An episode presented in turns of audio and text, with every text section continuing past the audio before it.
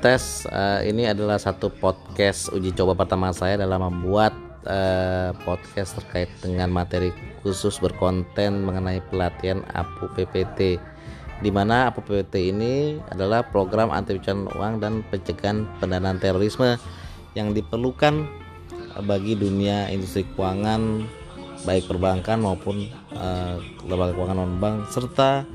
uh, penyedia barang dan jasa dan lembaga jasa profesi karena mereka semua sebagai pihak pelapor dalam suatu mekanisme rezim anti pencucian uang.